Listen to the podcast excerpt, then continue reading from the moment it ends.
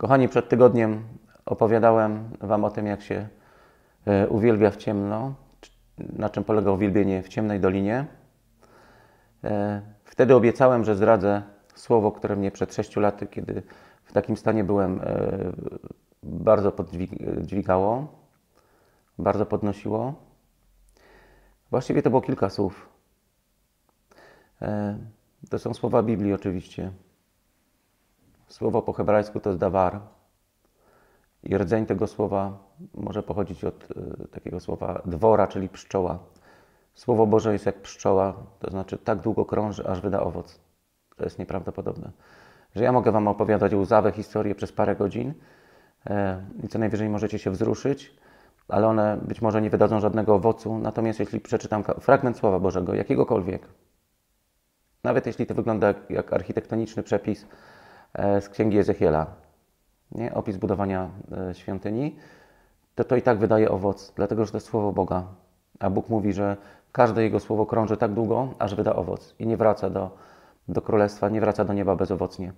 To były trzy słowa, które mnie podnosiły. Pierwsze, przechodząc doliną Baka, zamienia ją w źródło, czyli tak jak mówiliśmy przed tygodniem, przechodząc doliną łez, zamieniaj te łzy w źródło, to znaczy zaufaj temu, który każdą każde zranienie jest w stanie przekuć na perłę, każde przekleństwo na błogosławieństwo. Drugie słowo to było takie, które często słyszymy na kazaniach, ale w takiej bardzo okrojonej wersji, bo często słyszymy takie słowa, kto stoi, niech baczy, by nie upadł. Ale Biblia jest jeszcze bardziej brutalna, jeszcze bardziej dosłowna, bo w Biblii czytamy. Yy, taki bardzo prawdziwy opis naszej kondycji. Komu się wydaje, że stoi, niech baczy, by nie upadł. Stoisz, tylko ci się wydaje. Komu się wydaje, że stoi, niech baczy, by nie upadł. I trzecie słowo, takie naprawdę kluczowe dla mnie, to była obietnica z 42 rozdziału Izajasza. E, nieprawdopodobna. Choć e, kiedy czytałem to w ciemności, w kryzysie, w ogóle nie rozumiałem tej obietnicy, dlatego że ja nie znam hebrajskiego. Musiałem zerknąć do tego, co znaczą e, dwa słowa, które jak się okazało były kluczem do zrozumienia tego cytatu. Cytat jest taki.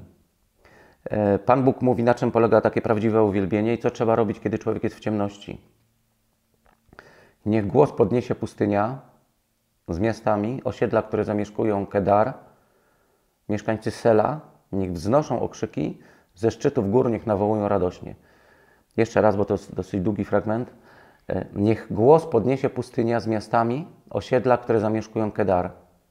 Mieszkańcy Sela, niech wznoszą głos ze szczytów gór, niech nawołują radośnie. Co to znaczy? Ten cytat y, pokazuje nam drugie dno i pokazuje nam takie naprawdę swoje prawdziwe oblicze w momencie, kiedy zobaczymy, co to znaczy Kedar i Sela pierwszy fragment, który cały czas do mnie wraca. Człowiek siedzi, ma nieprzespane noce, rozdrapuje rany, wchodzi w jakieś samooskarżenie i czyta Niech głos podniesie pustynia z miastami osiedla, które zamieszkują Kedar. Czyli Bóg mówi, jeśli jesteś w osiedlu, które e, ma nazwę Kedar, co masz zrobić? E, podnieść głos, e, zacząć uwielbiać. Co to znaczy Kedar? Kedar po hebrajsku to jest być ciemnym, być brudnym, być w stroju żałobnym i odprawiać żałobę. Zobaczcie, jakie to jest mocne, czyli Bóg mówi, jeśli nawet czujesz się brudny, jesteś w stroju żałobnym, masz wrażenie, że e, wszystko, co Cię otacza, to jest tak jak Jerzy Sztur krzyczał w seksmisji, ciemność, widzę ciemność, to Bóg mówi, nie skupiaj się na tym, tylko uwielbiaj. To znaczy musisz to przekuć na uwielbienie, to znaczy wejść w ten język królestwa.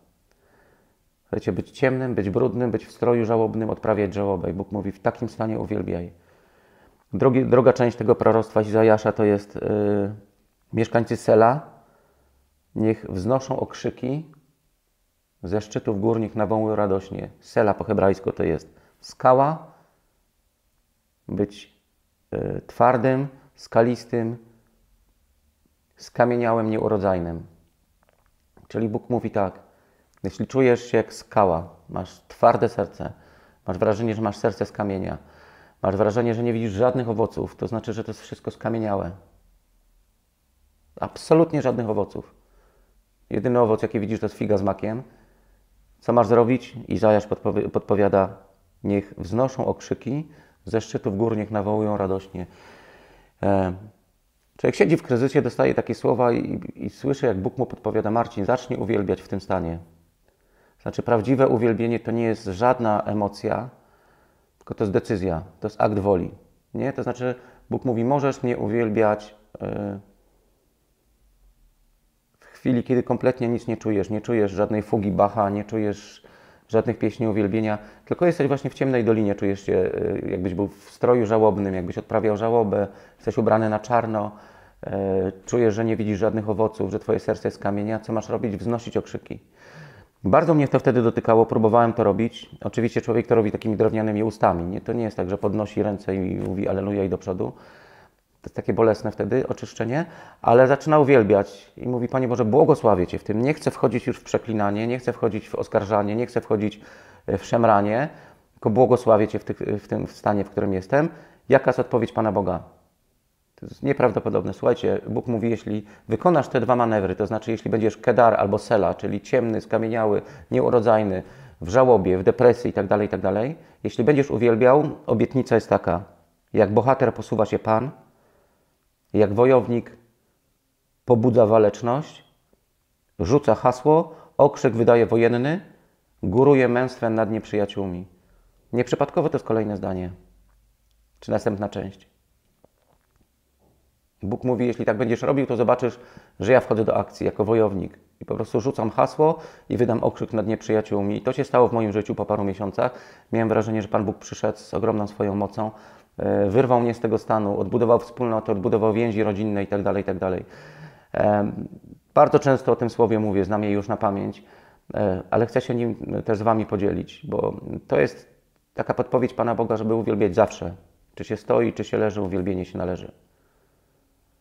Dzięki, do usłyszenia za tydzień.